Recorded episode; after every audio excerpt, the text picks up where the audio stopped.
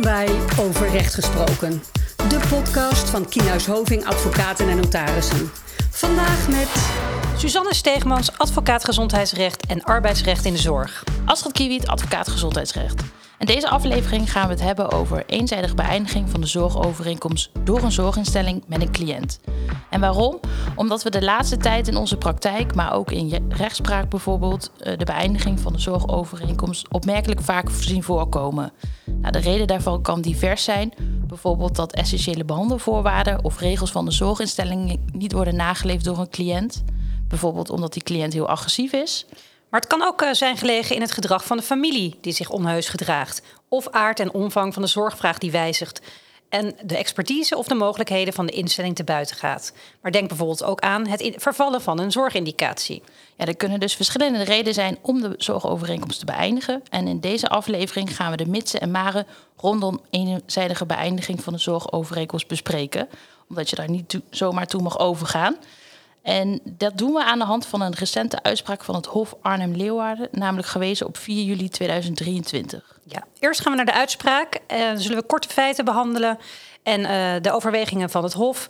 En daarna zullen we naar het juridisch kader gaan. Nou, wat was er aan de hand in deze kwestie?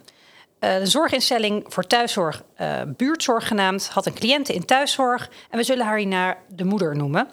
En eind 2018 kreeg buurtzorg oneenigheid met de zoon van cliënten. En die zoon was tevens ook mantelzorger. En de discussie ging over het plaatsen van camera's in de woning van moeder. Nou, buurtzorg was het daar niet mee eens um, en zoon wilde blijkbaar niet uh, die camera verwijderen. Ze kwamen niet tot een oplossing, deze partijen, voor het gebruik van de camera. En daarop heeft buurtzorg in januari 2019 de zorgovereenkomst met moeder eenzijdig opgezegd. Buurtzorg uh, hanteerde naast een, uh, een uh, overeenkomst ook algemene voorwaarden. En uit deze algemene voorwaarden kon worden opgemaakt dat er gewichtige redenen konden zijn voor het opzeggen van de zorgovereenkomst als was voldaan aan de volgende voorwaarden. Ten eerste de gronden waarop de voorgenomen opzegging berust zijn door de zorgaanbieder met de cliënt besproken. De zorgaanbieder heeft aan een cliënt een passend alternatief geboden. In de derde plaats, uh, de zorgaanbieder heeft de cliënt gewezen op de mogelijkheid een klacht in te dienen. En tenslotte, een redelijke opzegtermijn moet worden in acht worden genomen. Buurzorg heeft vervolgens de zoon in contact gebracht met een andere thuiszorgorganisatie, namelijk Allerzorg, om de thuiszorg van moeder over te nemen. In februari 2019 heeft Allerzorg aan buurtzorg laten weten dat zij geen vaste medewerkers kon garanderen op de tijdstippen die de zoon graag wenste. En deze medewerkers konden dus niet op regelmatige basis de zorg aan moeder verlenen. Buurtzorg is de thuiszorg aan moeder blijven verlenen totdat zij in april werd opgenomen in het ziekenhuis en daarna op basis van een eerste lijnsverblijf naar een zorginstelling werd gebracht om daar te herstellen. Op 21 mei 2019 heeft buurtzorg de zoon laten weten dat de thuiszorg zou worden beëindigd vanwege de opname van moeder in de zorginstelling. Nou, vervolgens heeft de zoon buurtzorg gesommeerd om bij thuiskomst van moeder uit de zorginstelling voor een vervangende thuiszorginstelling te zorgen. Om uh, in ieder geval de thuiszorg aan moeder te blijven verlenen. Buurtzorg heeft aangegeven dit niet langer haar verantwoordelijkheid te geven. Vervolgens is zo'n uh, procedure begonnen bij de kantonrechter in Almelo en heeft gevraagd aan de kantonrechter te verklaren dat buurtzorg de kosten voldoet die moeder heeft moeten maken voor de huur van een ander appartement waarin thuiszorg was inbegrepen, namelijk op basis van de WLZ. De kantonrechter in Almelo heeft deze vordering afgewezen. Oké, dus samengevat, als ik het goed begrijp, eh, de kantonrechter heeft gezegd: oké, okay, buurtzorg, je hebt terecht de zorgovereenkomst beëindigd. Ja, dat klopt. Dat is inderdaad wat de kantonrechter heeft gezegd. Maar kennelijk was zoon het daar niet mee eens, want die is in hoger beroep gegaan bij het Hof Arnhem-Leeuwarden. Ja, dat klopt. Uh, de zoon heeft beroep ingesteld en in hoger beroep heeft buurtzorg zich uh, verweerd door te stellen dat zij uh, de zorgovereenkomst terecht heeft beëindigd, want ze heeft een passend alternatief geboden aan moeder. En in de tweede plaats dat ze ook geen thuiszorg meer aan moeder behoefde te verlenen na de opname van moeder in een zorginstelling. Nou, het Hof heeft daarover overwogen dat het bieden van een passend alternatief. Um, het enkel benaderen van andere zorginstellingen door buurtzorg op zichzelf beschouwd niet uh, uh, als voldoende kan worden aangemerkt. En hoewel Allerzorg in eerste instantie wel bereid bleek om de thuis, thuiszorg van, aan moeder over te nemen, heeft zij destijds, althans dat heeft buurtzorg gesteld, laten weten dat de wensen of de eisen van de zoon ertoe leiden dat zij niet aan deze zorgvraag kon voldoen. En buurtzorg heeft zich op het standpunt gesteld dat dit als frustreren van het bieden van het passend, passend alternatief moet worden aangemerkt. Nou, het Hof overweegt dan dat indien buurtzorg van mening was dat met het aandragen van allerzorg een passend alternatief werd geboden voor de opvolging van de thuiszorg aan moeder, het ook op haar weg had gelegen om dit duidelijk te communiceren aan de zoon. En dit volgt uit de eigen algemene voorwaarden van buurtzorg, maar ook uit de op buurtzorg rustende zorgplicht. En door de zoon niet te waarschuwen dat de volgens allerzorg door hem geuite eisen of wensen niet realistisch waren en dat hij daarmee een passend alternatief voor de zorg aan zijn moeder frustreerde, heeft buurtzorg hem eigenlijk een kans ontnomen om tot eventuele andere afspraken te komen met allerzorg. En in de tweede plaats zegt het Hof dat vervolgens uit het feit dat buurtzorg na de afwijzing door allerzorg thuiszorg is blijven verlenen aan moeder, dat daaruit volgt dat zij kennelijk ook zelf van mening was dat haar zorgplicht uit de overeenkomst nog niet was geëindigd.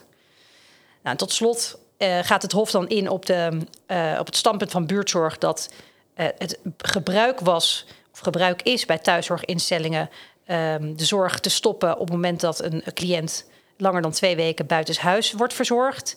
Daarvan zegt het Hof ja, dat deze beëindigingsgrond is niet opgenomen in de overeenkomst of in de algemene voorwaarden van buurtzorg. En ook staat niet vast dat dit gebruik uh, van, te, van tevoren is besproken met moeder of met de zoon. En dat deze ook niet op een andere wijze met dit gebruik bekend zijn geworden. Het Hof overweegt dat het juist op de weg van buurtzorg had gelegen om met moeder en zoon te overleggen over de verwachte duur van die opname. Ook omdat het ging om een eerste lijns verblijf en een eerste lijns verblijf naar zijn aard een tijdelijk verblijf is. Al met al komt het Hof tot de conclusie dat buurtzorg de overeenkomst met moeder niet op deze wijze had mogen beëindigen. Ja, dus als ik het zo goed aanhoor, en dat is ook eigenlijk onze ervaring wel in de praktijk, dat het beëindigen van de overeenkomst, dat dat best wel wat vergt van een zorginstelling. En dat blijkt eigenlijk ook wel uit deze casus. En daarom is het goed om naar het juridisch kader te gaan. Wat moet je nou precies doen op het moment dat je overweegt een zorgovereenkomst te beëindigen? Nou, allereerst moet er sprake zijn van een gewichtige reden. Dat zegt de wet ook. En wat die gewichtige reden is, nou, dat wordt niet verder in het wettelijk kader bepaald. Maar dat moet worden ingekleurd door de jurisprudentie. Nou, dat is inmiddels ook wel gebeurd. Uh, en door de KNMG-richtlijn niet aangaan en beëindigen van een geneeskundige behandelingsovereenkomst. Daar staat ook aangegeven wat je kan verstaan onder gewichtige reden. En dat is natuurlijk altijd wel afhankelijk van de situatie of daar dus sprake van is. En in deze uitspraak. Ja, in deze uitspraak uh, werd ja, het, is niet, komt niet heel duidelijk naar voren, maar daar, je kunt eruit destilleren dat er sprake was van een vertrouwensbreuk. En dat de gewichtige reden ge, uh, gelegen was in een vertrouwensbreuk. Nou, hoogstwaarschijnlijk als gevolg van de discussie die was ontstaan over het plaatsen van een camera in de woning van moeder. Ja, want eigenlijk komt dat niet heel duidelijk naar voren in de twee uitspraken, van zowel van de kantonrechter als, de, als het Hof Arnhem-Leeuwarden. Maar dat is in ieder geval wat wij eruit opmaken. Nou ja, naast het bestaan van een gewichtige reden kan een instelling eh, de behandelingsovereenkomst alleen beëindigen met inachtneming van een aantal zorgvuldigheidseisen. En in tuchtrechtspraak en gewone rechtspraak blijkt wel dat het inachtnemen van die zorgvuldigheidseisen net zo belangrijk is als het bestaan van een gewichtige reden. Dus daarom extra aandacht voor die zorgvuldigheidseisen. Nou, wat houden die dan precies in? En dat is ook enigszins wel gebaseerd op jurisprudentie, maar ook de KNG-richtlijn. Uh, namelijk allereerst dat de cliënt herhaaldelijk moet zijn gewaarschuwd en onderzoek moet zijn uh, verricht of het herstel uh, van de zorgrelatie mogelijk is. Ja, en daarvan is wel bij, daarbij is wel van belang dat je je wel echt inspant om, dat, om die zorgrelatie te herstellen. Dus denk aan mediation, de inzet van een andere onafhankelijke derde om goede afspraken te maken. En ook uh, proberen te bewerkstelligen dat door de cliënten afspraken worden nageleefd. Precies, dus de eerste stap is eigenlijk wel maak afspraken met elkaar. Hoe gaan we met elkaar om? Welke regels moeten worden nageleefd? En op het moment dat het gedrag van een naaste van de cliënt leidt tot beëindiging van de zorgovereenkomst, want dat zien we ook nog wel eens, dan moet je eigenlijk extra voorzichtig zijn als instelling uh, voordat je overgaat tot beëindiging. Want daar kan de cliënt in principe niet de dupe van worden. Nou, ten tweede moet de cliënt ook tijdig mondeling worden geïnformeerd over het besluit om tot beëindiging over te gaan. En dat moet ook schriftelijk zijn bevestigd. Dus dat is ook weer uh, in de vorm van dossiervoering.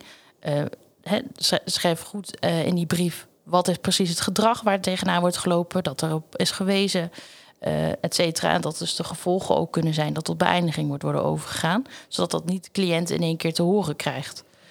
Ehm, daarnaast moet een redelijke termijn worden aangehouden voordat de overeenkomst daadwerkelijk beëindigd kan worden.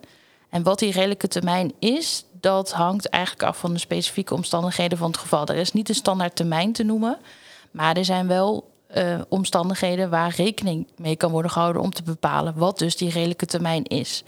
Nou, ik zou ze niet allemaal noemen waar je dan, uh, hoe je dan bepaalt wat die redelijke termijn is, maar bijvoorbeeld uh, de ernst van de medische situatie van cliënt en daarmee de afhankelijkheid van de zorg. Dus naarmate de cliënt meer afhankelijk is van de geboden zorg door de instelling, zal de opzegtermijn ook langer zijn. Maar bijvoorbeeld ook de termijn die nodig is om een aanvaardbaar alternatief voor zorg te vinden. Dus na beëindiging moet de cliënt waarschijnlijk naar een andere zorginstelling. En nou ja, dat, dat, dat kost wat tijd. Er zijn natuurlijk heel wat wachtlijsten. En ook daar moet rekening mee worden gehouden. Een onmiddellijke beëindiging, daar moet je heel voorzichtig mee zijn. Uh, dat kan eigenlijk alleen als er zeer dringende reden zijn. Bijvoorbeeld bij uiterst agressief gedrag van een cliënt. Dat gewoon eigenlijk echt niet meer gaat en een onhoudbare situatie is. Maar ook daar weer de kanttekening dat als dat gedrag van die cliënt voortborduurt of eigenlijk voortkomt uit een uh, ziektebeeld van die cliënt, ja, dan moet je juist weer terughoudend zijn hè, met beëindigen en al helemaal bij met een onmiddellijke beëindiging. Dus er zijn wel wat nuances op te maken. Nou, tot, uh, daarnaast moet ook noodzakelijke hulp blijven worden geboden. Dus je hebt beëindigd als zorginstelling, maar de noodzakelijke hulp moet je wel blijven verlenen totdat uh, um, een instelling of een hulpverlener de zorg heeft overgenomen. En Suzanne, jij had het net al even over de overwegingen van het Hof. Arnhem-Leeuwarden in de uitspraak hè, van uh, uh, 4 juli.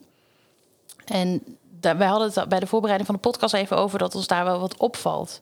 Ja, dat, wat ons opviel is dat um, het Hof juist overweegt dat, het dat uit het feit dat buurtzorg na de afwijzing uh, door allerzorg uh, en dus eigenlijk na de feitelijke beëindiging van de zorgovereenkomst met moeder uh, thuiszorg is blijven verlenen, zegt het Hof daarvan dat, dat daaruit zou kunnen worden opgemaakt dat buurtzorg kennelijk ook van mening was dat haar zorgplicht uit de overeenkomst niet was geëindigd.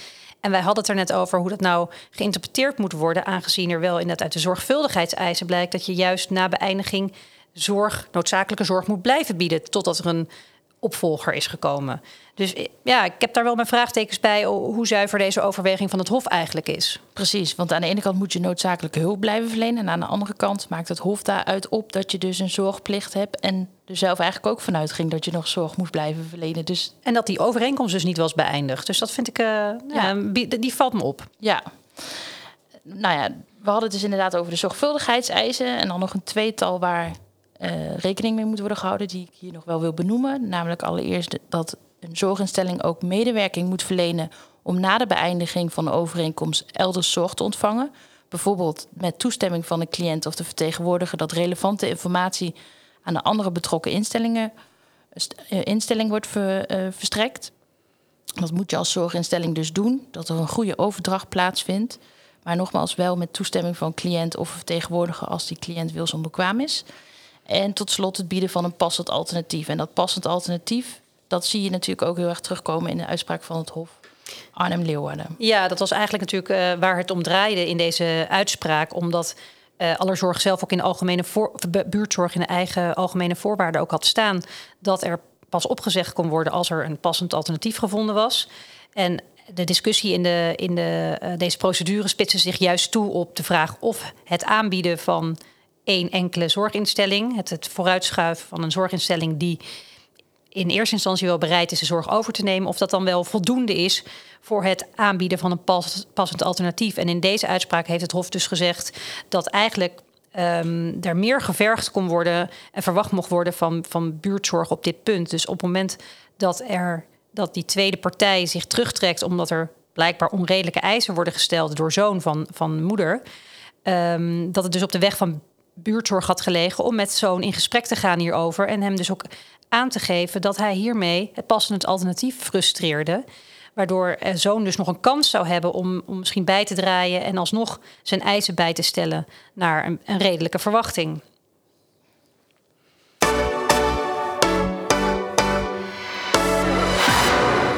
Ja, en dan hebben we het juridisch kader besproken. Er zijn natuurlijk heel wat mitsen en magen, zoals we een paar keer hebben gezegd. Het is toch wel heel genuanceerd. En uh, altijd opletten bij een beëindiging van een zorgovereenkomst. En daarom goed om wat tips mee te geven in deze aflevering.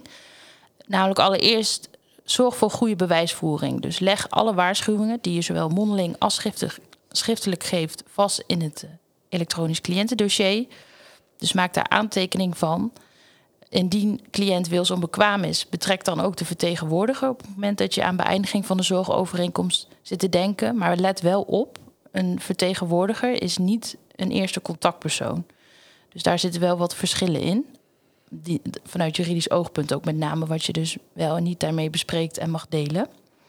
Ja, en wees ook terughoudend met beëindigen. Voorkom beëindiging op een zeer korte termijn. Hè. Hou, die uh, redelijke termijn in gedachten. Um, let ook op privacywet en regelgeving, bijvoorbeeld bij overdracht van informatie naar een andere instelling, maar ook bij het bijvoorbeeld betrekken van uh, derde uh, zorgverleners, betrokkenen, um, de huisarts bijvoorbeeld. Ja, let, let wel op wat, wat je wel of niet mag met elkaar mag delen. Um, belangrijke, win juridisch advies in. Het, het, kan er echt aankomen op de details of, of er wel of niet op goede gronden beëindigd kan worden. Um, dus dat is wel echt een advies waar, ja, die we jullie graag mee willen geven. Maar ook het uh, overleg met zorgkantoor, zorgverzekeraar.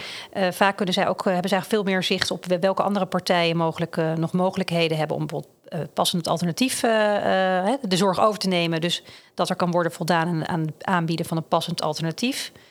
En ook wat betreft dat aanbieden van een passend alternatief, documenteer dat goed. Want het, is een inspanningsverplichting. Maar op het moment dat je niets documenteert over wat je allemaal aan stappen hebt ondernomen om dat alternatief naar voren te brengen, ja, dan, dan wordt het toch heel lastig. Dus zorg ervoor dat je het goed documenteert. En ja, met deze uitspraak in de hand zou ik ook zeggen.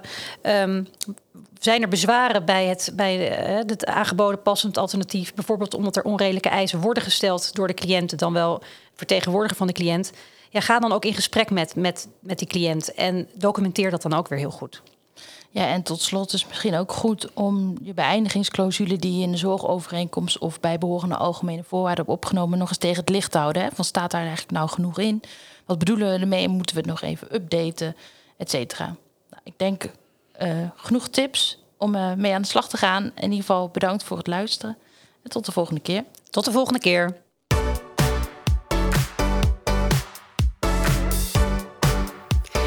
Was Overrecht Gesproken, de podcast van Kienhuis Hoving. Heb je vragen of wil je meer informatie? Stuur dan een e-mail naar podcast.kienhuishoving.nl Wil je niets missen? Abonneer je dan op onze podcast via jouw favoriete podcast-app.